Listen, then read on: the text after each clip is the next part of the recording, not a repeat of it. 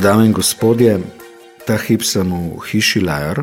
Odločil sem se, da naredim nov pogovor v seriji podcastov Pogovarja se Franci Kapler.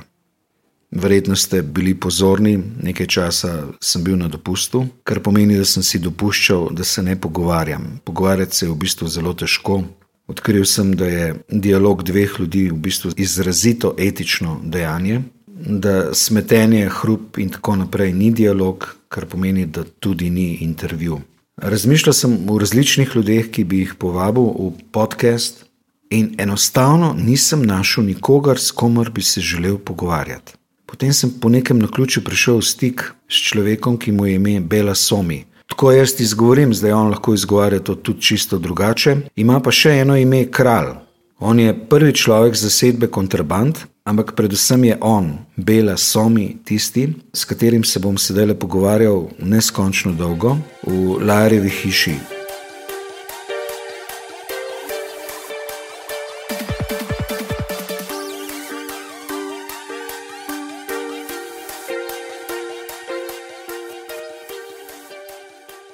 Bela Somi živijo. Živijo tudi tebi.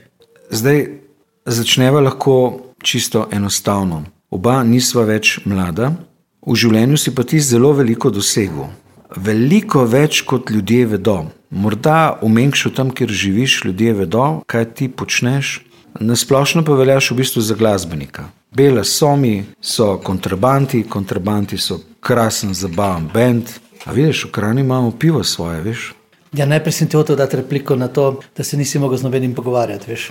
Si pa sam s sabo bi se pogovarjal. Vem, da malo smešen izpadeš, ampak, ampak si pa sam v sebi si vedno lahko pameten in moder. Ja. Žena mi pravi, bo tih ali boš sam smrčal. Ja. Moja se stane, pa gre drugam spat. Zdaj, tvoja sreča je, da si glasbenik. Ker sem bil jaz mulj, sem si želel biti glasbenik, nikoli si nisem želel igrati harmoniko, kitaro pa zmeram čelo tudi. Ti igraš harmoniko, kako si prišel do nje? Najprej sem igral ustno harmoniko, ker To je bilo najbolj cenovno dostopno, ko si kakšen pobalin. Potem pa so ta stari videli, da sem kar dober. No.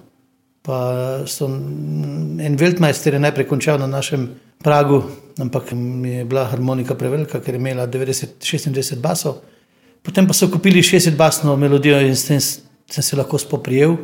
V tretjem razredu osnovne šole, v drugem sem še bil premajhen. V bistvu rast mi ni dovoljevala, ampak potem sem, sem se pa kar s tem dobro spoprijel. Hodil sem približno 5 km v glasbeno šolo, tudi če je pol metra snega padlo, sem na vrhu hodil, včasih sem celo notri padel, sem pol ure rabo, da sem ven prišel. Še zdaj imam kakšno zeblino od tega iz mladih let, kar je nepredstavljivo danes, da nekdo hodi na solfeđo pa na harmoniko 5 km daleč. Ampak jaz sem, tok sem imel rad že takrat glasbo, tok sem jo slišal, solmizacijo sem tako dobro vladal, da ko je neko skladbo, ko sem slišal, sem jo lahko takoj pretvoril v to. In to je bilo. Ampak to, to je res briljantno, to je načeloma briljantno. To, to so se s Tomažem, ki je do sedaj bil tri leta član v Bendu, so se vedno sporozumeli tako. No, ti mi pa zaigraj do mi, so laso, mi redo, laso. Ne, to ste recimo so rekli in on je to znal tako zaigrati. Tomaž je eden redkih v mojem življenju, na katerega sem naletel, ki isto to vlada tako kot jaz. In to samo rečeš, no dobro, tole je solmizacija, mu solmiziraš pa rečeš, no, pa postavi Adur, podigra vse, perfektno. In to je taka moč, če to vladaš, ne, če ti to pride nekako v kri. Večji od tega samo, če imaš absolutni posluh, pa potem ti pride v kri to, da note direktno, direktno poveš. Ne. Jaz mislim, da nimam absolutnega posluha, poznam pa človeka, ki mogoče bo imel. Se pravi, violino ne boš nikoli igral? Ne, violino ne bom nikoli igral. Prepozno je zato, vseeno sem malce realista, zato ker še na harmoniki nisem dovolj naredil, da bi zdaj pa šel na violino. Ne lahko se lotim kitare, buzukija, še enkrat grem orglice malo bolj detaljno, da se še naučim kakšne prijeme ali pa ne vem, celo bobna ubi, lahko. Violina je pa tako kot s šahom, ne vem, če si to predstavljaš. Če bi hotel biti vrhunski šahist, bi moral temu posvetiti življenje in potem bi izginilo to, da, da sem tako, da imam širino, ne. zdaj imam širino, da se lahko z vsem ukvarjam. Harmonika mi to dovoli, kitara mi to dovoli, matematika mi to dovoli, fizika mi to dovoli. Vilina pa ne bi tega dovolila. Za vilino je pa treba umreti. Ja. Kje si pa ti sploh živel svojo mladost? To je tako čudno vprašanje, v bistvu, ne, ker nismo se selili. Rodil sem se v Osijeku na Hrvaškem, oče je bil barani učitelj, mama je pa bila še vilja. In uh, on je njo spoznal, ko je študiral mačarščino v Vojvodini, bil celo nekaj časa urednik mačarskega programa na, na Radio Novi Sad in potem že v mladosti je pa pisal. Ne? On je zelo mlad zaslovel kot pisatelj, kot nadobudni pisatelj. Preživljal se je pa od tega, da je bil učitelj in uh, v Baranji, blizu Jagodnjaka, je učil mačarske in srpske in hrvaške otroke. Tam je nekaj časa živel, tam se je jaz rodil, na pol je živel kot kmet, na pol kot stražar vasi, edini vas je imel pištolo, ne. edini je imel enega velikega psa, ki je red naredil. Ne, in, eh, ko je bil nered na kakšnem balu, kot ste mu pravili, potem je pač enostavno trikrat v strop in takrat so vsi videli, zdaj pa je konc, zdaj pa je konc vse zabave. Zatem se je preselil v Mursko soboto, takrat sem jaz bil star približno eno leto v nekdanjo staro knjižnico, tam pa nista smela kuriti, starša. In uh, ker nista smela kuriti, je potem rekel, oče, no, ne bom več urednik tega radia, mačarskega programa, ampak se selim, enostavno bom odšel na, nazaj, učiteljevati. On je imel sicer samo učiteljišče dokončano, mi se je pa študiral vse čas. Postal je profesor mačarskega jezika in učitelj slovenskega, tako da pedagoško je naredil v Mariboru, v Novem Sadu je pa diplomiral in je profesor mačarskega jezika bil in je zajetno število novel napisal jih izdajajo. Tu in tam sem mu zelo pomagal v mladosti okrog prevajanja, ker takrat sem bil zelo znan po tem, da največ knjig preberem. Ne. V mladih letih sem jaz bil popolni knjižni mol, takega si lahko samo želiš. Pa seveda glasba, knjige, glasba. Moji starši sploh niso vedeli, da šola obstaja, ker v osnovni šoli in gimnaziji niso rabili okrog mene nič delati. Mislim, mama je sicer si včasih si pripisala zasluge, ko me je en, eno uro držala dlje budnega ker je rekla, no, reši še kakšno nalogo, zato da jaz zašijem tole do konca. Ne? In potem kasneje je ona rekla temu, no, to sem pa jaz rešila. Ne? Ne? Ampak ni, to, to je tako. Po tistih selitvah, kjer smo živeli torej v Murski soboti, zatem smo živeli v Dolini, potem v Čentibi. Čentiba je bil kraj moje sečne mladosti, tako rekoč. No, to sem imel najrešiti. Stara šola, blizu Lendave, to je ta vas, iz katere sem se peš odpravil vedno v glasbeno šolo. Živeli smo v stari avstralski šoli, zidovi visoki, ne vem, celo 4 metre, tako tu. Uh -huh. Ali imaš že kakšen spomin na trenutek, ko si postal slovenc? Ja, tekel sem okrog mize in mami govoril slovenske besede, ki jih poznam. Ker do četrtega, tretjega in pol leta sem govoril samo mačarsko. In potem mami sem govoril vse besede, ki jih poznam. Pa vse čas sem tekel in za, za vsako besedo, ki sem jo znal v slovenščini, sem lahko tekel doma en krog.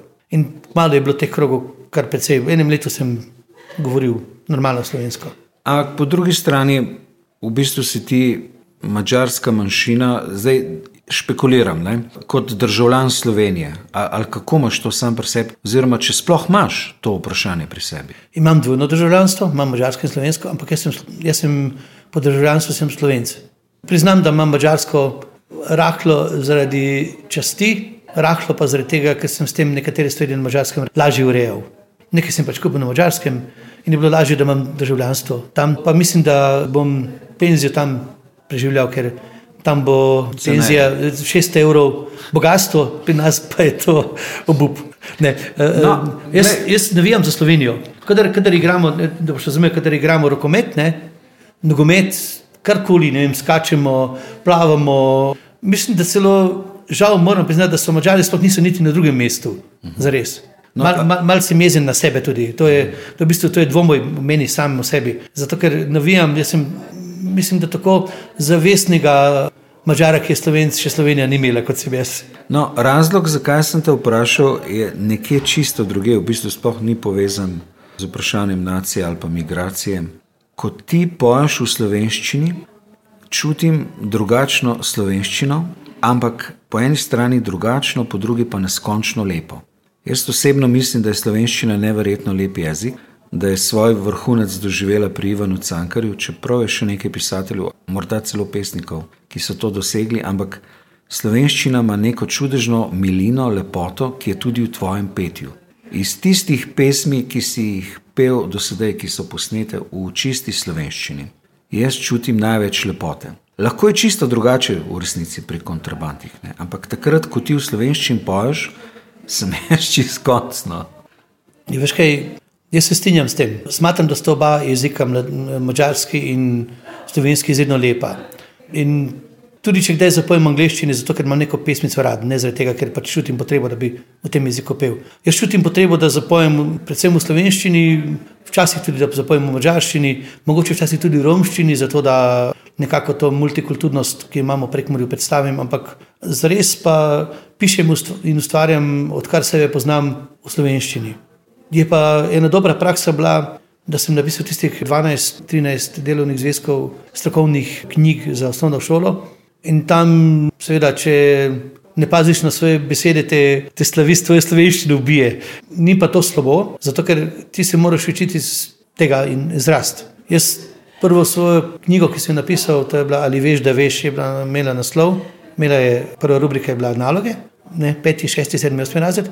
Zatem so imeli, če ne veš, to pomeni, so bili namigi tem nalogam. Potem pa, če že veš, mi je že založnik me je zafrkal, pa gledaj, pa, pa ne moreš tako stalno nekaj veš uporabljati po srpsko, veš, to je pa perilo, ne, uh -huh. da to pa ni, ne. Jaz sem rekel, veš kaj, meni je pa to všeč, pustimo ta koncept, ker Redko katera knjiga imela ta koncept. In je potem res ta knjiga bila v njegovi založbi druga najbolj razprodana. Takrat so namreč se pojavili eksterni izpiti ne? in ljudje, ki so vzimili takrat na hitro knjige za eksterce, ko so naredili neke zbirke, so to je bilo bolj podano. Ampak moje knjige so se še potem dolgo uporabljali, pa kopirali v osnovnih šolah. Prav ta ali veš, da veš, pa so jo slavisti pregledali, pa pregledali so me v matematiki in potem pa sem enkrat naletel na enega na osnovni šoli Vita Kregerja, na fizika ki mi je pa pokazal to knjigo.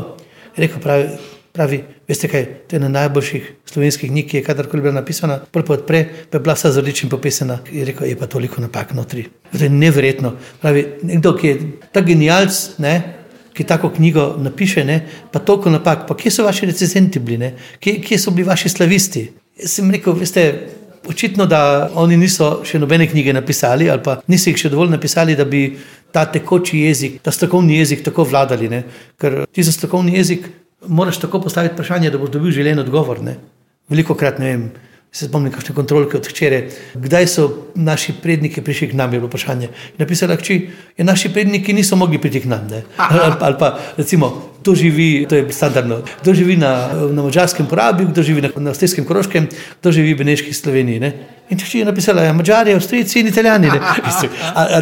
Učitelj se je hotel vedeti, da je manjšina. Ne? In v bistvu, kakršno vprašanje, takšen odgovor. In to je isto bilo tako. V bistvu, če ti hočeš biti nekomu recenzentu, potem moraš biti nad njim, potem moraš imeti toliko in toliko izkušenj in moraš tudi sam nekaj napisati. Jaz nisem imel takrat takih, ne, kasneje sem dobil take. Ne, recimo, na zadnja moja dela je bila recenzentka dr. Andreja Gomboc.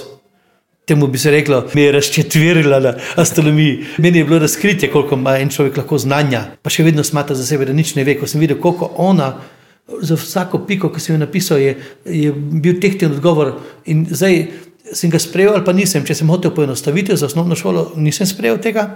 Če sem pa hotel biti točen, sem pa moral večino sprejeti. Ne? In dejansko, ko ti pišeš, rasteš. Ampak tisti, ki, ki so tvoji recenzenti, morajo biti taki, ki so večkrat pisali. Nisem pa imel vedno to srečo na začetku. Ne? Tako da ta slovenski jezik sem pil najprej čez strokovni jezik, potem pa je tu prišla nazaj poezija v mene, ker ta enostavno ni dala miru. Ni, ni mi dala miru, jaz nisem mogel več živeti brez glasbe, jaz sem moral iti igrati. In potem sem vsak vikend sem hodil igrati kolegom. To se je začelo tako, zabava na moji šoli. Sem rekel, bom presenetil moje kolege, pa bom se naučil, kot tam opeva, ne, pesem. Pa znal sem še nekaj, nekaj si taki za igrati, grka z orbo na harmoniko, pa ne, imel sem tam en repertar 50 pesmic. To, to zaigram, ja, to, za takrat je bilo. Ne. To zaigram, da je znaš to, pa po posluhu sem pa kar dobro igral. Ne. Pa dobro ti znam po posluhu, če ste peli, ne znam pa besedila vedno. Ne.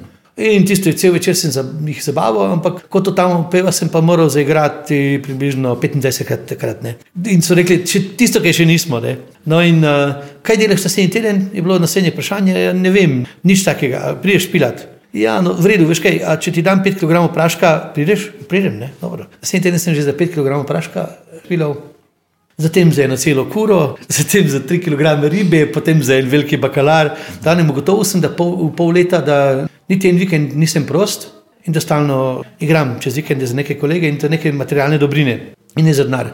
In potem sem takratni ženi, prvi ženi rekel, veš kaj, Ksenija, zdaj pa jaz moram začeti igrati z bendom, pa vseeno to nekaj denarja prinaša za to, da kupim tisto, kar jaz hočem, nekaj, da dobim tisto, kar mi drugi ponujajo. To so tudi delavci v času Lenina zavrnili ne čevlje hrano, ampak plačo hočemo. Bela, V resnici sem jaz še vedno pri vprašanju jezika, ampak tokrat ne slovenskega. Poješ v različnih jezikih, kontraband imate, imate več jezikov, nisem pa siguren, ali imate nemščino ali ne. Nekaj je zvenelo pesmi podobno, pa nisem verjel, da je to res nemščina. Bi jo pa teoretično morali imeti, ker so približno 50, 60, 70 let nazaj v Prekmorju in na Štajerskem glasbeniki, še posebej v Prekmorju, igrali tudi na Dunaju. To, kar mi pojemo, je jidiš. Špajzik mi je to je tradicionalna pesem, ki je v bistvu ponarodila. Ma sicer celo avtorja besedila, ampak je nekaj židovskih pojmov, ki, ima, ki imajo veliko elementov nemščine. Nemško sicer solidno govorim, ker je bil to edini tuji jezik v srednji in osnovni šoli. Nič pa takega, da bi nemščini direktno pel, razen kadar me zagrabi to gota, ker so se buldožeri razpadli, potem zapojem Haben za Cimer Fraj. za slovenščino res mogoče nisem na, na, na, na, na tak visok sedež postavil. Jaz smatram res in slovenščino in mačarščino za dva najlepša evropska jezika. In zato mi je tudi težko preiti iz enega v drugega. Oba sta zelo težka, oba imata strašen, bogat besedni zaklad. Jaz, ko prevajam občasno pesmi iz mačarščine v slovenščino, sploh nisem zagati. Tudi eh, v slovenščini sem močnejši, to je moj prvi jezik. Vladam, recimo Bence Laž, ta prekmorski pesnik je izredno slaven na mačarski strani, naši pa ga zdaj počasi prepoznavajo, ker so zajetno število njegovih pesmi prevedli. No, in uh, držim ali jaz, hm? če že roka boli. Ne, kar govorim. Ben, no, ben se, kadar ima kakšno res težko besedilo, ker on zna v svojih filozofijah, moraš njega prebrati, on se zna pogovarjati z Bogom. Ima eno zbirko skriti iz kamna in eno eh, izredno težko pesem se njegovo jaz prebral, ker na koncu božanstvo reče, kako lahko od mene toliko pričakuješ, ne, v bistvu, če si pa ti Bog, jaz sem pa navadni hodec. Ne. Mislim, kako lahko to pričakuješ od mene, ne, v bistvu, v tem, tem pogovoru. In, a, imaš kakšno vprašanje z tem? Ja, ne, se, veliko, se vprašanje, ne, veliko vprašanje. Lej, ta lajči me je v bistvu pripeljal nazaj k poeziji, da sem začel to prevajati. On je pa res težek.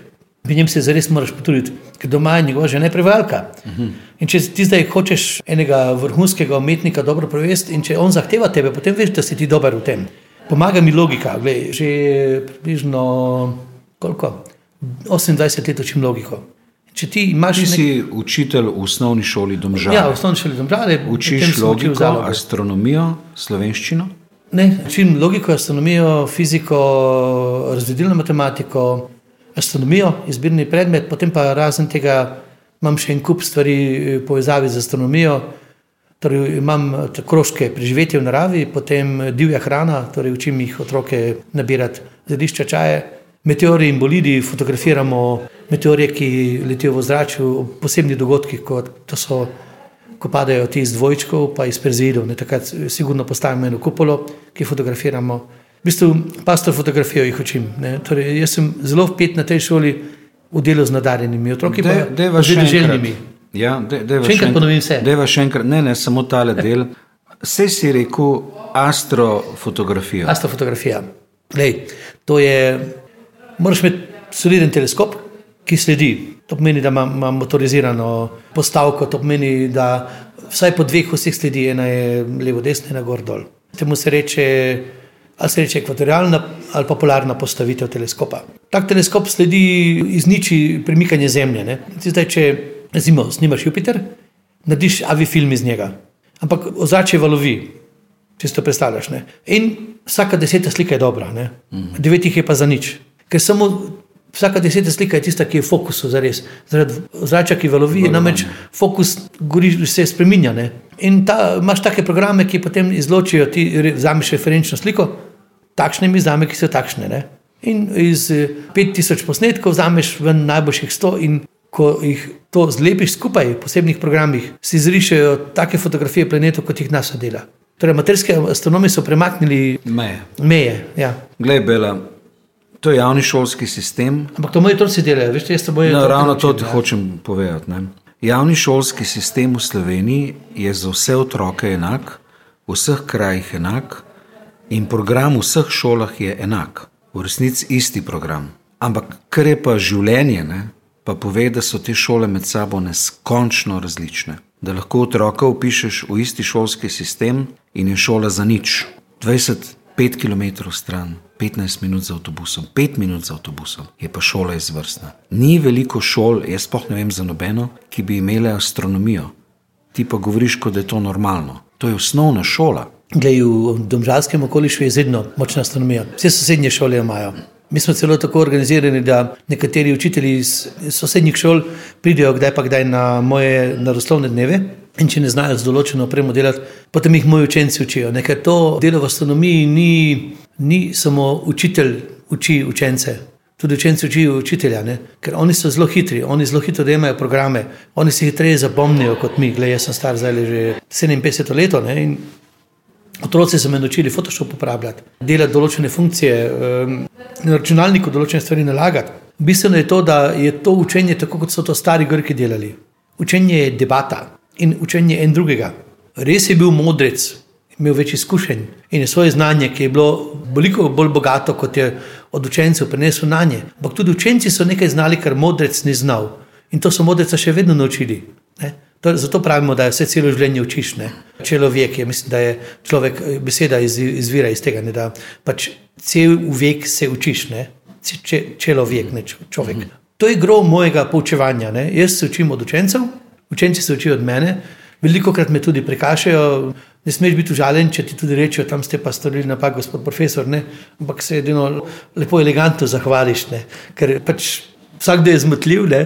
je pa lepo, da te učenec zdaj popravi, lepo je, če te tudi on v nečem dopolni. Ne? In, uh, jaz sem prišel do enega takega nivoja na tej šoli, da ne, ne vsi učenci, ampak približno z desetimi na generacijo sodelujem na enem izrednem nivoju.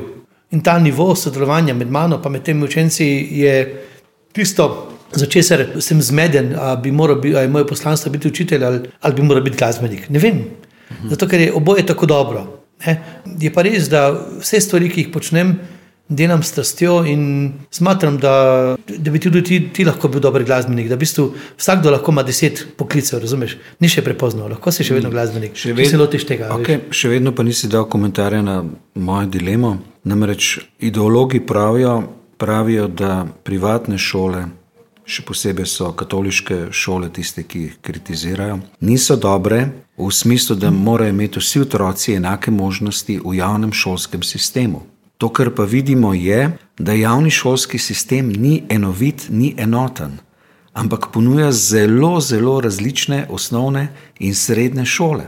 Ampak res dejansko zelo različne. Nimajo otroci v Kranju ali pa mogoče na jesenicah niti približno istih možnosti kot v Domžalah, ne? recimo na tvoji šoli. Vem samo, veš, če zdaj mislim, da bom trobil s tabo, vendar ne morem. Ne? Zato, to ker, razumem, samo ja. ne razumem te velikanske razlike.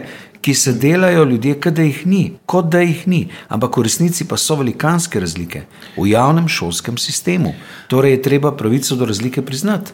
Res je, ampak mislim, da, da tudi morajo biti, ampak da bi obstoječe ljudi morali izkoristiti v tiste smeri, ko jih lahko. Ne? Jaz mislim, da ljudje nimajo, ne dajo dovolj izkoristka od sebe. Torej, ljudi ne, ne porabimo tam, ko bi jih zares lahko porabili.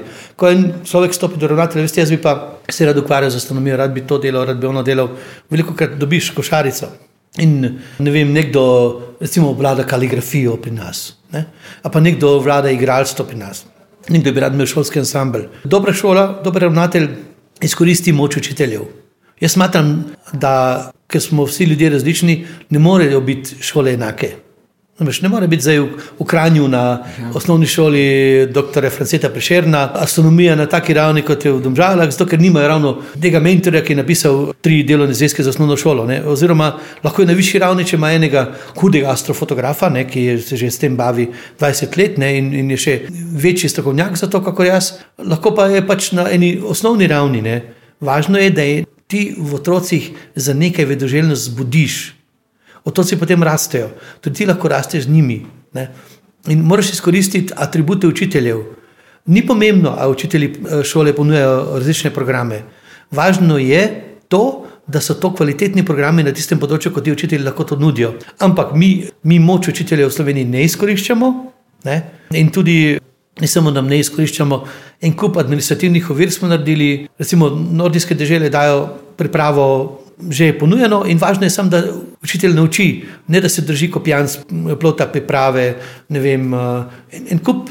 Administracije, mi, namesto da se ukvarjamo z otroki, izgubljamo čas za administracijo. Pa nekako tudi pravim, da ni, niso učitelji tako izkoriščeni, da bi tudi njih to premamilo. Nekateri enostavno otopijo v tej službi in potem, ko me čakajo, da pride domov, skuhajo, veliko njih postane dobre gospodinje prav zaradi tega. Ne, ne, ne bom rekel, da so vsi učitelji slabi, ker tega ne morem reči. Ne. Večina učiteljev je dobrih. Ne. Nekateri sploh nikoli ne bi smeli postati učitelji, ker jih ne zanima nič. Ampak večina učiteljev je dobrih, ampak ni jih ta sistem razvil. V končni fazi. Ne. Ankete svetovne so pokazale, da je, smo nekje tam, nekje okrog desetega mesta, plavamo po jeziku, ne, po naroslovju smo celo pod deset, pa matematika. Medtem ko pa v Evropi smo pa v naroslovju na prvem mestu. To pomeni, kaj, kako je, bomo rekli, je to. Ampak to so anketirali različne šole, ne, v bistvu so preizkusili, ne anketirali, dali so jim neke preverjanja po vsej Evropi in to niso bili otroci, ki so bili pripravljeni. Jaz, razreda, ki je, ki je bil preverjen, ga nisem pripravljal. Zdaj, moraš vedeti, da mi en strašen nivo eh, znanja prenašamo na otroke. Ovira, da ne moremo tega znanja prenesti tako na otroke, kot je treba, so v glavnem starši. Ta generacija, ki je od, ki od te podivjane demokracije po letu 91, ne, je ušla zvajati. In ta vzgaja, ki sama ni vzgojena, če to razumeš. Ni vzgojena pa zato, ker vsi ti starši hočejo neko, neko, neko dobro okolje ustvariti za njegovega otroka, da se lažje komovči. Ne, ne, ne razumejo pa, ali, pa da ima manj težav, čim manj težav, pa čim lepši uspeh. Ne. Še, meni je žena že, že rekla, pa kako to bila, ne? čakaj malo. No. Ti, tebi vedno nekaj let pred tistim, ko začneš učiti neke učence, ne, ne, nekateri starši postanejo malo sponzorji tvojega festivala, ne, pa potem pa, pa ti hočejo nekaj pomagati v življenju, pol pa so jezni na te, ker nimajo njihovi otroci peti iz fizike. Ne. Jaz sem rekel, žena, če dajo za kulturo denar, jaz jim tega ne smem zameriti njihov namen je pa njihov problem. Jaz ne bom zaradi tega dajal lepših ocen, če oni dajo za kulturo denar. Jaz sem samo tisti, ki to kulturo organiziram in probam nek festival voditi. Ne. Pravim, da glavni problem je to, da iz učiteljev ne izvlečemo tistega, da se razcvetijo. Jaz sem se kot učitelj, kot učitelj razcvetil, veliko so temu pripomogli ravnatelji. En, ki mi je najprej oportuniral, ne, ena od prvih ravnateljev sem v Domžalah, celo enkrat nisem mogel napredovati, potem pa je videla, da jaz dobro delam. Ne.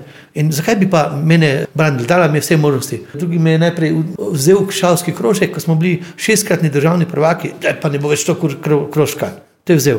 A jaz sem delal za 2,95 ur na, na uro. Sem vsak petek šel na turnir, pa sem bil 5-6 ur. Povem, ja, bi ti šel za 3 ure na uro, vsak petek na turnir, ne, ali pa trikrat na mesec. Ne. In ni mislil, da bom s tem karkoli slabega naredil. Nič, pa sem se vrgel v astronomijo. Ampak potem je pa tudi spoznal, ne, da je naredil napako. In, in zdaj so dobra kolega. Jaz smatram, da lahko vsakdo naredi napako, tudi vodstveni delavec lahko naredi napako. Ne. Trenutni ravnatelj, ki ga imam, je dober v tem, da zelo počaka, da, da ti poveš svoje misli in da, da poveš, kaj bi rad naredil. Ne. In potem večinoma dobiš podporo, če je to v finančnih možnostih šole in mislim, da je to, to pravi pristop. Ne. V tem je dobra stran pri nas, zato je pač pri nas astronomija na tako visokem nivoju lahko. Ne moremo mimo nekaterih zakonskih težav, ampak lej, jaz mislim, da je v vsaki šoli bi lahko bil zametek neke znanosti, ampak to mora biti tista, ki je najbližja tistim učiteljem, ki so tam. Ne moreš zdaj pričakovati, da vse posod imajo belo somja, ki bo enkrat na peti tudi igral dobrodelni koncert kontrabanta, pa vzgajajo mlade astronome, ne, z, tako goreče. Pa tudi ni važno, ni, ni nujno, ne rabijo biti vsi ljudje tako goreči kot sem jaz. To pa pravi, da nismo lepi, če smo različni. To je izjavil Bela Somi, kralj mu pravijo. Za podcast pogovarja se Franci Kapler. Resnica je, da se mi je zdelo, da bo imela pogovor samo o glasbi in da bom potem jaz kot pametno presenečenje ga vprašal o njegovi šolski dejavnosti. Slišali ste, skoraj da pol ure smo govorili o šoli. Resnica je tudi, da sem sam tudi bil učitelj sedem let. Tako da bi tudi sam imel ogromno zapovedati, to je res neskončna tema, še posebej, če imaš otroke v šoli. Ampak razlog, še vedno razlog za tale pogovor Bela som je glasba. Sprovociral si me. Ste slišali še enkrat? Sprovociral si me, za, za, da sem govoril kot presetar. Spravil si iz mene tisto, kar bi verjetno tudi ti rad kaj povedal, kaj od tega. Podava se res o glasbi pogovarjati, ker mislim, da tudi glasba je tisto, s katerim jaz kužim zelo mlade. Zadnji sem jih imel, te iz moje šole pri meni, sem videl, da se jim ravno dela dobro. Ne? Smo šli dol igrati, tri harmonike imam, pa šest kitar, se jih pela dol. Veš, kako so uživali. Tako dobra priprava je bila za astronomijo. Jaz sem namreč dom tako odprt, da meni učenci hodijo domov. Pridejo, Torej, tvoj privatni dom. Ja, moj privatni dom. Pride tudi moj, moj studio, pri meni zamešamo zelišča, pri meni delamo kreme. Tudi na eni skladbi sem z njimi posnel živalske glasove. Rekel sem, fanti, karkoli znate stravnika oponašati, pa dekleta, ne? dajmo to narediti za, za Bence v pesem Srčno presrčen, ne? oziroma pod, pod naslov te pesmi je Poletje. Zdaj, si predstavljaš, da greš poleti po ti travniku. Ja. In ti narediš korak ne, in skoči sto kobilic, ne, naredi trapne. Potem nekaj ti zagnojen travnik. Ja, ne, ne, to, to je ta prav travnik. Prav, ja. In nekaj ti eh, zabreketa tam le, nekaj ti zažvižga, ne, ena čebelica ti mimo pride, ena osa, ne vem, obad. In vse to so otroci super znali oponašati. Ne boš verjel. Posneli so mi tak avizo, vstop v to pesem, to je na albumu Sladki Bes. V tem albumu so fantastično, sem jih dobil notri, nekaj šest učencev mi je te glasove. Ta plošča je krasna v bistvu. Ta plošča je zelo dobra. Jaz sem zelo ponosen na to, ker sem uspel v glasbi kompletno poezijo prevedeno od Benceja. Od mm -hmm. Benceja Laša. A to je to? Ja, to je to. To so njegova besedila. Vrščas so me masirali tam prek mrju. Pridobila ti si sposoben narediti svoje stvari, ne? pa tudi od Karla Turnerja, od prekmorskega pesnika. Zakaj pa nas, mačarov, ne? Zakaj se ne vrneš k mačarstvu? Ne? Ker moj oče je pač pisatelj, mačarski, mačarski profesor, se tebe pričakuje, da tudi nekaj narediš za mačare. In Bence se mi je zdel tak pesnik, ko se mi je zdel vreden tega. Ampak kaj, ko, ko mi je prvo zbirko dal več za otroke? Jaz sem pa z otroke že naredil tako dva albuma in sta se mi zdela, ta, ta dva radoveda, Katarina ne predi prav, pa naša družina. Sta se mi zdela res tako super ne? in ni mi bil prisežek, da bi ga šel prevajati. Potem pa naenkrat na eni razstavi mi je podal še svojo tretjo knjigo. In tisto sem pa jaz čizno rev. Si bilo pa tako dobro, ne? celo sem si drznil, ko ima ne vem, veš ti pesniki potem pišejo tako, napišejo pesem, pa Morje ena ima naslov, pa je Morje dva pa more tri, pa more štiri, pa more pet, pa more šest. Vse na koncu je morje. Ja, samo morje. Ne. Ampak, ne, ampak jaz sem potem bil tako prebrisan, da sem vzel iz morja ena, dve. Najboljši kitici, iz morja dva, eno, iz morja tri, eno. In ko sem to sestavil, ne, iz ene sem pa vzel samo za refren, ne, nekaj, kar se ponavlja. In ko sem to sestavil, je rekel on, pa sej, jaz sem vseh teh šest iz teh okvirjev napisal. Je rekel, je rekel ti si točno našel tiste kitice, iz katerih sem jaz začel pisati celotne te morje. In uh, z njim sem super sodeloval tudi zato, ker to je tako živo sodelovanje. Tako, če jaz prevedem nekaj, potem ga vprašam. Je to dobro? Ne? Jaz sicer rajši rečem pri pesmi, zato ker prevajanje je zelo tehnični, ja. res pri pesmi ti je pa, moraš ohraniti notranji ritem človeka, moraš, moraš ustvariti enaka čustva ne, pri, pri tistem, ki to posluša. Ne. Moraš imeti skoraj blizu videnje, o tem sem že enkrat govoril. Moraš postati tudi sam umetnik za hip, ko, ko poslušaš, pa vidiš te obraze, te like, te ne vem, kot ne vem. V barvo očeh pravi hitelen, kot burlo kertra. Ko, ko se naenkrat spusti megla na, na, na vrt in potem zašelestijo, ne, zazvenijo te trte, zazvenijo. Ne. Jaz sem, nisem povedal tako pesniško, kot je v pesmi, ampak on, on zna ustvarjati ambient, ta bencelaž. Ti začutiš prostor, v katerem si. Ne, recimo, zdaj, če poslušalci bodo vedeli, da je tukaj Lari v hiši ne vem, tri metre nad nami, zato ker malo do nine. Ja. Začutiš, ne. on pa s pesmicami to zna ustvariti. To, da, da stvari zadonijo, zašelestijo, pesem zima, ne. to, to, to je ono strašen. No, ta pesem je sploh fenomenalna. Ja, strašljiva voda se v let spremenja, pomečkana ne me slikati, protestira, razkuščena. In, in ti si to živo predstavljaš. Če si mladosti kdaj stopil na led in, in se kot po balini igral ne, hokej na enem ledu, na zmrznjenem mlaki eh, jezeru, točno veš, kakšna je strašljiva voda, ne, ki je zamrznjena. In eh, kako, kako je led pomečkan na poljih, ne, bistvo, ne. In, uh, kako, je, kako so te veje, vse, kako je nekaj razkuščeno v zimi. Ne. In on, on je res zna vzbuditi te občutke ne? in je odličen mačarski pesnik, ki je pa slovenc. Ampak to je v bistvu razlog za to lepo slovenščino. Ne? Ti si prepesno tega pesnika. Ja, na tem albumu, da. Na, eh, Govorim na o tej plošči, ja, ne, na- ki je v bistvu izredno lepa. Ne? Ja, jaz mislim, da je prvo moje res remek delo, ne, je bil moj album teh pesmi Ne kaže svoji mami. Jaz sem res začel že v mladosti pisati pesmi, ne, bil sem tudi. Ne. Tudi sem pisal tukaj, eh, imate to sejalec, to, se, to se na pesniška srečanja, ker sem imel objavljene pesmi, ampak nikoli nisem šel do tega, da bi neke zbirke izdajal. Kljub temu, da zdaj, ko me spodbujaš v to, a bom prijel, ja, da bi tudi to m, bom verjetno nekoč naredil. Mislim, da bom tudi, zdaj sem začel pisati tudi eno knjigo, ampak tak, žena še tega sploh ne ve, tako da tega ne objavi. Ne, ne, se ne bom jasno. Eh, Ampak prav, kako živeti šizofrenik, to, to, to bom verjetno celo pisal, oziroma nekaj dogodivščin o tem, kako sem bil ujet v en, tako bi rekli, ali so čudežne želi, tako sem bil. Ko sem živel s šizofrenikom, ne? tako sem bil tudi sam ujet v to. In jaz, meni je to pritisnilo, da sem lahko še boljše ustvarjal. Ne moreš verjeti. Prej si rekel, da je plošča remek delo. Ja. Zdaj bi jaz ljudem, ki poslušajo podcast, izjavil tole. To je res. Ne, ne da se bela somi hvali, ampak dejansko se tudi meni zdi ta človek čisti genialc. Sedi tukaj pred menoj, oziroma z mano, pijeva kransko pivo, sva v podkastu pogovarja se Franci Kapler in jaz izjavljam slovenski kulturni javnosti. Kontraband so fenomenalen bend in Bela Somi, kralj, dejansko je mojster, velik mojster petja, interpretacije, zvoka, glasu. In ni mu ušlo, da se je sam pohvalil. Ampak tukaj je bila je še ena stvar. Mislim, da si ti edini umetnik, ki sem ga jaz srečal daleč nazaj, ki nima sploh nobenega problema s tem, da ni totalno slaven in pomemben v Sloveniji, kljub temu, da bi moral biti, glede na to, kako briljantne plošče si posnel. A te res čist nič ne briga uspeh. V toliko, kolikor bi lahko več astronom, mislim, astronomske opreme kupil za zvezdoslovje, boljšo kamero. Mislim, s finančne plati samo, eh, da bi mogoče malo več lahko potem otrok uh, zasvojil z drugo, ki se reče znanost, astronomija. Ne. To ja, s te strani, ker se veš, da tudi otrokom vedno jaz kupim najprej opremo in potem jim dam. In če bi pač glasbo, od glasbe dobil nekaj več denarja, bi seveda vse to lažje počel. Jaz bi še vedno izobraževal. Ne, briga me, res. Zato, ker tu nekje je pa pride na, na dan neka samo potrditev moje druge poroke. Tam je pa sem dobil pa samo zavest, ker mi nekdo, ki si reče žena, ne, reče tudi nekako, tako kot ti. Ti pa res dobro delaš.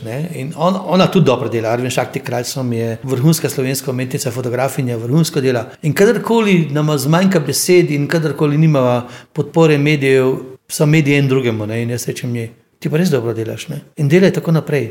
Ni važno, ali imaš podporo medijev, ali imaš slavo, ali, ali imaš denar. Mislim, da nekoč bo to povrnjeno, zdaj še ne. A res misliš, da zdaj ne? Ker, kar je pa moje življenje mene naučilo, je pa ravno, da se zdaj le že vrača. Vemo, Ta sreča zdaj le. Danes je že povrnjeno, delček. Ker če, če obstaja na krajskem en človek, ki je to prepoznal, je že to veliko. Veš, ker, To je pozitivno da je mnenje pozitivno. o Gorencih. Ja, ja, je pozitivno mnenje o Grencih, sploh da imajo tako dobro pivo, no, je ja, izredno, izredno. Jaz mislim, da obstaja nekako. Nekaj ljudi v tej Sloveniji, ki prepoznavajo to, kar smo kontrabandi do zdaj naredili, oziroma tudi jaz. Obstajajo tudi neki starši, ki vidijo, da, da smo res velike kamne, ne samo kamenčke, premaknili pri otrocih. To je notranje gonilo, ki mi pomaga. In tudi nimam težav s tem, nisem pa tak, da se ne bi pohvalil. Ne? Jaz, če je dobro, je dobro. Če ne vem, kako naj rečem, glej, mladi fanti so vstopili v bend, trije so. Skladba poznam te, je izredno tako lepa, obljublja zvestobo ženski.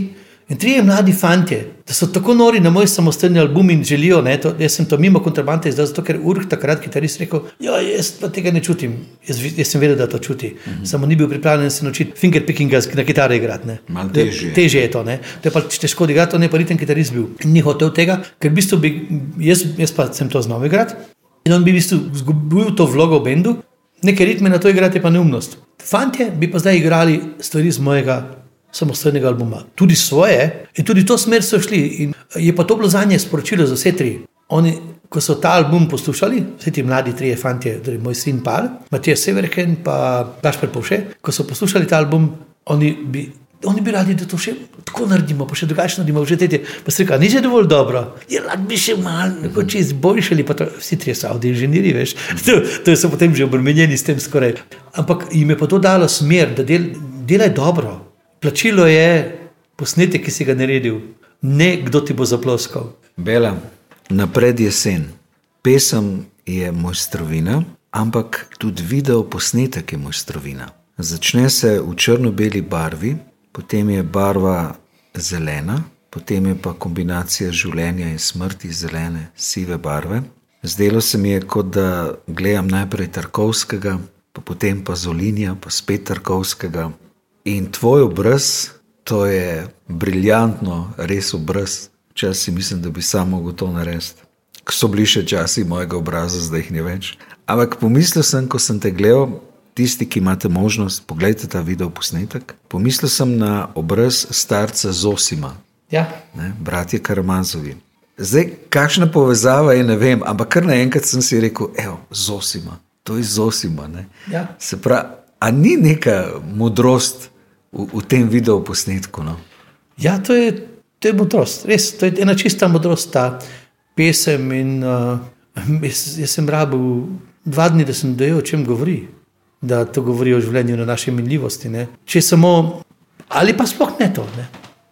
Lahko lahko jo tudi jemliš kot eno čisto pozitivno pesem. Ne. V prvem hipu se mi je zdela, da to je ena pesem, ki govori o ljubezni. Prosim, še dojel, da je to nekaj več hecno je to v tej pesmi, ker ko sem naredil, ne, jaz sem to ob večerih šel v studio in sem začel malo plenkati na kitaro in sem obiral, ne, pa sem prebiral in v prebiranju te pesmi mi, mi je kapnilo, kako moram narediti to. Ne. Izpade pa, kot če bi kitajska melodija bila. Majčkan. Majčkan, ti, ti, ti, ti, ti, ti, ti. ti. Ješ, to, mogoče, mogoče je to pomenkljivost glasbe, ki jo delam. Jaz sem si to glasbo predstavljal, da bi jo lahko napisal za simfonični orkester.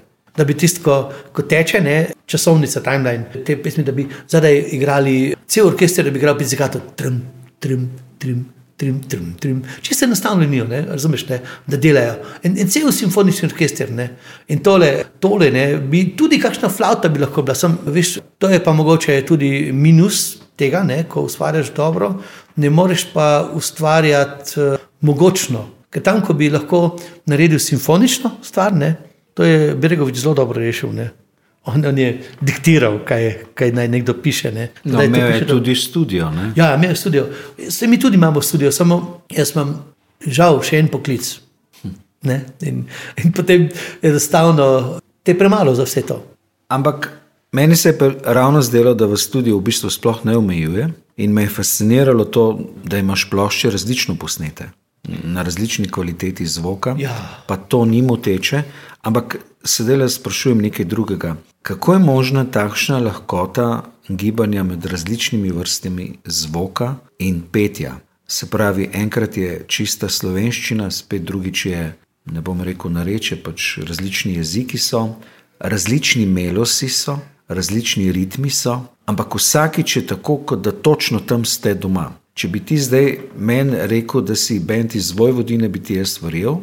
Če bi rekel, da ste židovski bend, bi ti tudi verjel, da ste ciganski bend, bi ti tudi verjel. Vse je tako za res.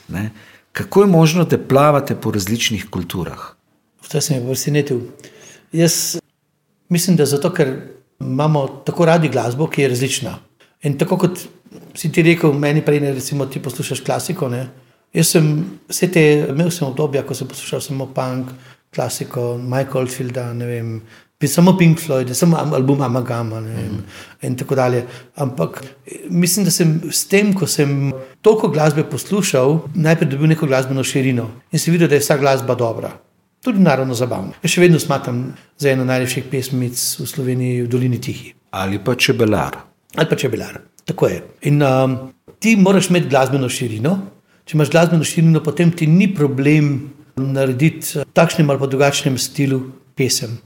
Jaz ne vem, to je prihajalo iz mene, iznotraj. Mogoče v tistih nekaj klofut na začetku mojega življenja, ko me mati silila, da sem igral na porokah, a predvsem v Prekmurju, ne Prekmurje pa vemo vsi, da je zelo mešana družščina. Ne? Tam so se igrali šlageri, tam so se igrali ciganske skladbe, tu in tam tudi kaj, ki je bilo malo židovsko obarvano, ker je pač na mačarskem je židovska skupnost bila do- dovolj močna. Jaz sem mladost preživel na porokah, po zaslugi moje mame, ki je bila šivilja. Ona je šivala maturanske obleke, pa obleke za poroke. In potem enkrat me je celo natolkla, zato ker nisem mogel igrati, ker sem imel zlomljeno roko, prste sem imel zlomljeno. Nisem mogel igrati, veš, tako sem imel tekle. Počul sem tipa, ki je pošla ta moja sestra zarit. je prej zarit na bazenu terme, v Petišovci so bile takrat. In jaz sem ga udaril in potem se je oto z mano step in se, se, meni so solze tekle, da sem rekel, le, oprosti, danes se ne bi s tabo tepel, sigurno sem si roko zlomil. In je, me je pustil pri miru. Lahko bi me nagarbo takrat, ker nisem se mogel niti braniti, lahko bi me pošteno prebutal, ni me. No, v glavnem, tisti vikend pa je mama s tako mojo debelo roko me pesilila, da sem igral neke stvari na poroki. No. Lahko bi se mi glasba tudi priskutila, pa se mi ni. Jaz sem veliko lepih popoldnevo preživel z nekimi legendarnimi, temi vaškimi glasbeniki. Cimbalistom Karojem, Karel je mu je bilo ime. On je bil legenda, cimbal. Ne, tako je, če spomniš, drugačke bička, bička je bil. On je tudi on je, on je legendarni glasbenik, cimbalist bil v Sloveniji, pri nas v Prekmori je bil Karoj. On ni mogel, ker so na porokah hoteli med cimbale, tam je bil Karoj zraven, ne? Karel po slovensko. Potem so imeli ga Pištabači, Pištabači je bil violinist. To je bil človek, ki je igral 60 let violino, od ne vem, ali pa še več. Umrl je star nekje tam nekje okrog 80 let. Kako misliš, vračal se je domov iz poroke, pa ga je avto povozil. Res, Mislim, žalostna zgodba, po svoje, ne, da je tako preminil, ampak zelo simbolična. Ne, on je odigral poroko. Je še eno dobro stvar naredil ne, in je Posledno. potem ja, ne, pustil eno lepo sled za sabo. Torej, jaz sem otrok glasbe, ki ni imel nekako strašnega učitelja harmonike. Mislim, da sem bil talentiran, da je to mi zelo pomagalo. Kombinacija pravih genov, verjamem tudi to, ker. Mama ima tudi slovaške gene, po očetu mačarske in eh, Slovaki in Mačari so znani po tem, da so zelo glasbeni, ne zdojemljivi za glasbo, sploh Slovaki za ritem. Potem ti lahko v nekih svojih skladbah doživiš različne ritme. Ne? Če se družiš tudi z ljudmi, ki igrajo različne ritme. Jaz sem tudi preveliko preigral na ulicah, včasih nas celo mesta najamejo, da igramo na ulici, zato predstavljaš. Kako je to fajn občutek? Si, jaz celo mislim, da bi to moralo biti tudi v Sloveniji. Ja, mesto nas najame, vi boste pa danes cel Gmünd. To je eno, eno naj, najbolj umetniških mest v Avstriji, nad Špitalom. Tam se vsako leto dobijo umetniki, ki delajo unikatne izdelke, in mi lahko igramo na ulici in prodajamo CD-je. Pa noben inšpektor nas ne pride pogledati, ali mm -hmm. koliko CD-jev prodamo, pa res ti povem, da honorar fajn dopolnimo s podanimi CD-ji. Mislim, res, res je fenomenalno ljudje uživajo. Mi smo celo dva, mislim, da tri, 3D video smo naredili, uh, igramo lahko kar hočemo, kar nam pade na pamet. Vse veš, da če igraš tam 8-2-urni program, potem tudi daš tuje stvari notri. Ne. Vem, da so še enkrat po turisti so čisto noreli. Mi smo, jaz sem na Buzuki, ne pa Duka, pa jaz igrala Bond, to bi vali, so znoreli, ker niso si slišali v akustiki, da nekdo igra Stepen Wolfe, ne, torej, da igra lahko na tak način, tako ostro. Ne. Ampak dobro, kako ste pa to posneli, ta posnetek sem A, videl? 3D, veš kaj je, to je pa Boštjan, Burger. On je, je kar že tako ali tako snemo, potem pa slučajno. Ne, bilo? ne, ne, njega sem spoznal zato, ker je zvedel za me. On, on bi rad šel na tabor s svojo hčerjo, da vidi malo astronomijo. Ko sem pa imel akcijo, ne, da gremo gor za otroke vece narediti, ker sem dobil kanalizacijo, sem dobil več na parceli gor v Šalovcih. Mi smo imaš tabor, Ker imam tabor, ja, astronomski. seveda, ne, tam imamo dve bivalni prikolici, pokrito, pokrit kontejner za opremo. In uh, on je zvedel za me in tudi nam je prišel pomagati vece zgraditi. Zato da otroci imajo normalen angliški vece tam. Sedi gmajne je in imamo vso infrastrukturo, zdaj elektriko. Bojem se z mobitelom za internet, ampak ne vem, kaj bom naredil še. Upam, da bom dobil. On je rekel, meni pa res vaša muska všeč. Nekako tudi se je tega lotil, ne veš, spet bil je ne tisti, kot, ko, ne, ne, ne, ne, da me na dušo pihne, jaz mislim, da mi ti ne pihaš na dušo. Da dejansko prepoznaš tisto, zaradi česar jaz to glasbo delam. Ne. Da res prepoznaš in to melodičnost, ki jo mi zvabimo ne, z, z nekim besedilom, in to lepoto, to povezavo med nekim besedilom, ki je zelo doživeto. In on je tudi to prepoznal in rekel: "Veš, Veste, kaj jaz bi pa rad z vami naredil, ne tri odštekane video spote. In on ima 360 stopinjsko kamero in jo je postavil in uh, naredil te tri spote, zato da v bistvu rekel, jaz bi vam rad pomagal pri reklami. Še vedno ima obljubljeno, da za skladbo barvo v očeh, da gre z nami enkrat pod ene torte in da naredimo en res profi, profi video spot, to bom tudi izkoristil zdaj v kratkem. On je izreden znalec. Veš, ljudje, ki nekaj znajo, se zavohajo med sabo.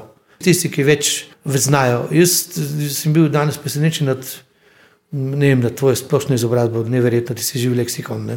Res, to, kar smo se v tistem ogrevanju pogovarjali, ti si leksikon. Glej, če bi, prosim te, če bom kdaj šel na kviz kot uh, popularen glasbenik, prosim mi številko, da klicu sili boš ti, ja, vred. Ste slišali? No, boš... Iš, iščem pokrovitelja za podcast, pogovarja se Franci Kapler. boš, boš tam burgerje, pa ne, ne pa na svoj način nor. On, sne, on hodi snemati, veš, globoke rudnike in to 3D snema, velenski rudnik, nekaj ne imajo. Za vrhunske stvari, na nek način je izumitelj Garmina. Torej, on je bil prvi, ki je posnel to pot, po kateri se voziš, in naredil karte, in to so v Kanadi, pa v Ameriki, v bistvu ukradli to idejo od njega. Ne? In kadarkoli on gre na neke kongrese v Kanado, pa, pa Ameriko, jim reče: Veste, kaj to ste ukradli od mene, ampak nič ne de. In nič, mu, in nič ne rečejo, ene besede ugovora mu ne rečejo. Povedal sem to javno, zato ker je to res, res. On je pač genialc. In veš, to je tudi odgovor na to. Ne? Viš, enemu genialcu je čist malo mar za to, da smo ukradli milijonsko idejo. Meni je malo mar za to, da nisem najbolj popularen glasbenik v Sloveniji. Njemu je bilo važno samo, da dobro dela tisto, kar ima rad. Meni isto. Ne? To je ključ. Bela Somi, ko jaz poslušam tvojo glasbo oziroma glasbo kontrabantov, se mi pa zgodi še ena stvar, ki pa danes sploh nismo omenila. Jaz kar vidim film. Pa ne vem, ali je ta film zgolj vaša glasba ali pa ste vi del nekega filma, ki bo še posnet. Ali so vas kdaj že vabili k filmu, oziroma sami o tem razmišljate? Veš, da sem malo hotel sodelovati na tem področju. Se veš, da sem imel kratko epizodo v Vampiru z Gorjancev, ne sem igral Koporca ne? in sem tam celo igral eno židovsko pesem, hecno je to bilo, da vampiri z Gorjancev ne, so rabili nekaj poskočnega, ne, jaz sem pa Džankoje igral eno židovsko pesem Skrima. Torej, jaz se nasmijim temu, ker tiste je pa izpadlo kot ena dolenska poskočnica, a vi ste bila židovska pesem iz, iz Skrima, ne, o tem sploh niso razmišljali. Glej, jaz vidim našo glasbo kot filmsko, celo bom letos verjetno te osnove, ki jih imamo, bom vse posod, ki smo zapeli z besedili, bom vse osnove obdržal in bom nasnil samo instrumente, da naredim totalno instrumentalno glasbo. Recimo barva v očeh, če zagraš na klasično kitaro, cel solaž, celo linijo petja, je to perfektna. Če bi jaz tu posnel zdaj klasično kitaro, sploh ne bi vedel, da to ni Otmar Liber naredil. Veš, mislim, nekdo bi mislil, da to Otmar Liber naredil. Jaz sem, sem Liber tu in tam poslušal, ne, poslušal sem Intilimane, različne izvajalce, ne, ampak Pravim, s poslušanjem različnih izvajalcev sem dobil širino. Ne. Nisem pa, ne vem, mogoče sem kakšen tak tudi da ukradel, ampak to ne vem. Zase, ja, mi živimo v tej glasbi, ja. je ne mogoče, da je ne bi ja. obravnavali oziroma uporabljali. Ja. Vse ne moreš biti zmagan. Ja. Jaz mislim, da je res lepo to, kar sem naredil, ker tudi sam sem stremel k temu, da je da ko pridem do gor studia ne, in ko, ko prelečem dol vse otroke, rečem, gledajte, to sem pa včeraj napisal, ne, da so frapirani. Ne, in oni so bili moja prva publika. In vedno sem bil šokiran, kaj sem uspel narediti. Pa tudi če, tudi če je to bila ena taka pesem, kot je naprej jesen. Ne. Jaz, jaz se spomnim, sem pripeljal enkrat kolege, ko sem prvič zavrtel naprej jesen, še moj demo posnetek, to z odprtimi usti je gledala. In potem sem imel obe verziji besedila posnete, mm. mačarsko in slovensko. In slovenka mi je rekla, da je slovensko nevrjetno. Mačarsko mi je pa, pa čist raztegnilo. Rekla, ne morem verjeti, koliko je mačarščina lep in speven jezik. Jaz mislim, da sem tudi na nek način slovencem približal mačarščino. Ne? Ker če že v prevodu, ne? ker veš, moraš vedeti, da prevodi so lahko izredno lepi lahko so tudi izbol, izboljšave. Ne, ne, so izboljšave, Nek, nekaterih pesnikov so izboljšave. To bi ti Bence potrdil, pa, pa raje iz, iz neke uvedevnosti do, pen, do pesnikov, ki sem jih prepesnil, raje tega ne bom, bom povedal. Ker eh, on, on, ko sem jaz prevedel nekatere pesnike za eno veliko zbirko, rekel, veš kaj, njihove pesmi so smrt, tvoje pa, tvoji prevodi so pa življenje. To je on rekel za me. Res sem dobro naredil tudi, tudi tiste, ki so samo zelo znani, pa izdali številne zbirke. Pa njihov izbor ni bil najboljši, ker oni so sami izbrali, kaj, kaj bi šlo notri v neko zbirko, ko sem takrat prevajal. In me je zelo pohvalil. Torej, lej, v obeh jezikih izvrstno zveni vse lahko. Smo... Ampak, Bela, jaz mislim, da vem odgovor, zakaj. To je barva tvojega vokala. Tvoja barva vokala je drugačna, drugačen glas imaš Jaz se spomnim, pred leti sem se spraševal, katere vrste človek ti sploh si, v katerem jeziku poješ. Slišal sem, da je v slovenščini, pa sem premišljal, ampak kateri jezik je sploh to? V katerem jeziku on poje? Tvoja interpretacija je tista, ki naredi te pesmi tako dobre. Veš, da si zelo podobno misel povedal kot en kritik, ki je nas napisal, ko smo izdali Barvo v očeh Mačarščini. Smo tudi izdali. Veš, tam smo samo eno pesem vam vrgli, ker je bilo mišljeno, da bi Bence Lajoš zapel tisto pesem, ko je posvetil Prešernu. Ne? Veš, da je posvetil tam na tistem albumu. Zadnja pesem je napitnica za stop v 21. stoletje, oziroma posvetilo Prešernu in zdaj pa prijatelji moji naj zapojejo kozarci. Ne? Poje v bistvu o tem tudi, da imam v bistvu zelo uporabna pesem, ker Slovenci smo imeli z Mačari skupnega kralja Matjaža. Ne? Pimo ljudstvo naše, pimo na vrlega kneza. Govori o tem, ne? pimo na kralja Matjaža. V bistvu tudi to ljubezen do vina je tudi prisotna kot pri Prišernu. Bence je izreden vinarno. Se spomnim, ko smo, ko smo to izdali, je ta kritik napisal: Poslušam ta CD. Izredno lepa mačarščina, ampak ni mačarščina, je rekel. Je rekel to, to ni čista, to ni mačarščina, to je. Aha, potem sem videl, da, to, da je ta človek iz Lindave. Aha, dobro, torej Lindavi imajo tako mačarščino. Ne? Tako mačarščino, ki ni. Mi mačari imamo veliko vestiste, kako pravijo, e, ne, veš, se, poznaš, se šalijo na naš račun, kako je mačarski pes, pa kaj, kaj je bankomat. A mi mu grede, veš, za žensko, kako pravijo, šala na račun mačaru je, da je bankomat, se rekaš, ne. Ampak veš, kako pa pravijo mačari ženskam jarecas. Ne, in, zdaj, to so ene. To smo oba drugič poročeni. ja, to so drugič poročeni.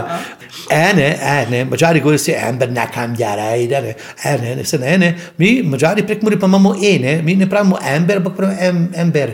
Ember, ne rečemo ember, ne rečemo dva eja, ne, ampak človek je to ember, ne. Embrio ember, ne. Mi pa imamo tudi ene, mi uporabljamo tudi tisti ene. In zato je za njih bilo nenavadno, da sem jaz odpel na tako mačarščino, tako kot tudi zate, ne, ker Lendavčani govorimo zelo trdo, nično slovenščino. Jaz sem to potem obogatil, ker sem se preselil v Ljubljano, tu sem ostal, trudim se govoriti v osnovni šoli knjižno slovenščino, predvsem zaradi tega iz spoštovanja do mojega naroda, ki je tudi slovenski.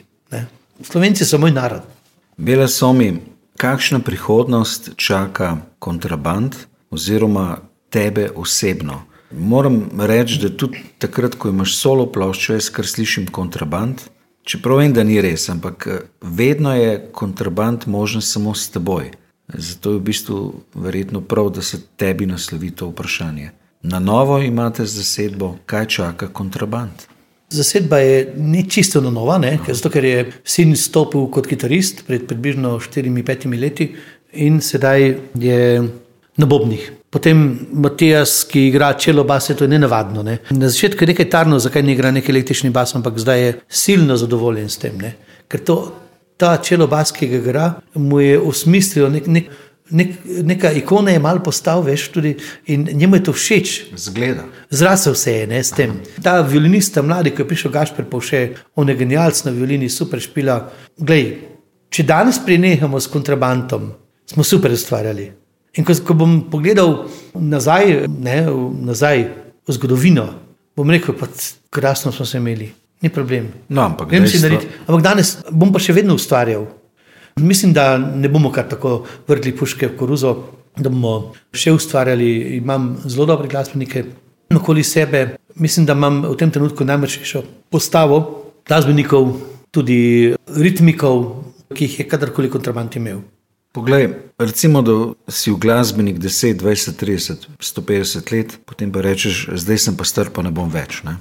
Ampak živ si pa še vedno in si živ kot glasbenik, kot ja. umetnik. To so Rolling Stones dokazali zdaj z blues albumom, ki je fenomenalen, česar nihče ni pričakoval, verjetno pa tudi oni ne. Se pravi, če bi ti zdaj nehal s kontrabandi ali pa sploh z glasbo, lahko da bi zdržal kar nekaj let, ampak umetniško bi pa trpel ker v resnici boš pa vse čas umetnik.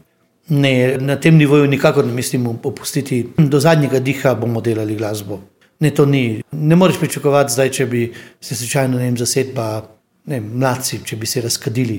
Jaz pa Duko sva stara prijatelja ne, in uh, že mi dva skupaj sva že kontraband. To je dovolj. In tudi, če jaz začnem z njim ustvarjati bolj kantautorsko, ker on me izredno dopolnjuje pri aranžmajih, pa potem kakšno stvar pa poiščemo kakšne fante, pa, ali pa nekdanje kontrabando se takrat že ne in bomo posneli pač bolj bendovsko. Važno je, da ustvarjaš. Ne. Mislim, da bomo ustvarjali, dokler nam bodo moči dale. Ne verjamem, da bomo mi samo poslušalci lastnega dela za nazaj.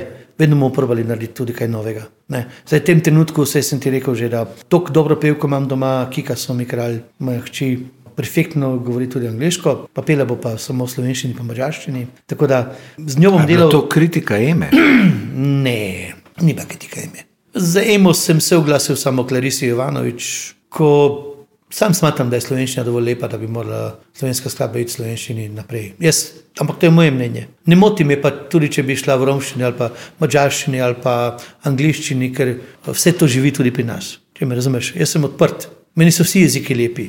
Angliščina je pač nekako trendovsko postala svetovna uspešnica, vsi, ki hočejo nekaj uspeti na EMI, hočejo angliško pet. So pa bili časi, ko nekdo tudi v srščini uspel, ali pa kdo v ruščini uspel. Jaz mislim, da mogoče jaz, če bi za EMO napisal pesem, bi zagotovo zahteval, da se izvaja v slovenščini. Mo, moje besedilo ne, bi zahteval, da se izvaja v slovenščini. Če ne drugo, velika zmaga je to, da slovenščini narediš dobro pesem. Zakaj bi jo potem pel v angliščini? Vse razumete, ne? Bele Somi, kralj je zahteven človek, zato je bil tudi gost v podkastu Pogovarja se Franci Kapler. Pivo je še mrzlo, pa ne bo dolgo, zato bom ta podcast zaključil. Bele Somi, hvala ti. Ja, hvala najbolj tebi, da si me spravil sem na to dobro pivo. Zdaj, mislim, neverjetno, da zdaj bom vedel. 3. junija se veš, da igramo tu. Vem, vem, kaj bom pil, to pivo. Pa če boš prišel, te še počastim, ker si me nekaj naučil danes. Ne, ne, ne nekaj veliko. No. Hvala tudi tebi.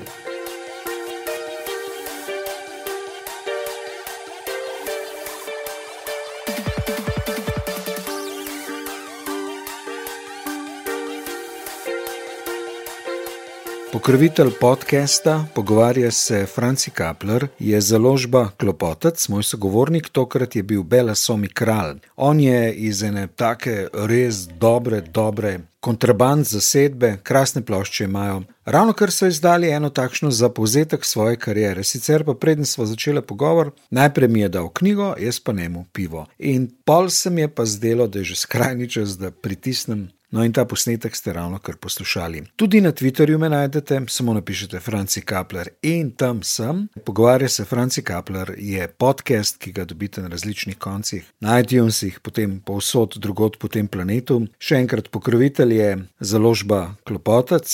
Poglejte na Twitter, postanite naročnik podcasta. Tokrat sem bil z vami Franci Kapler.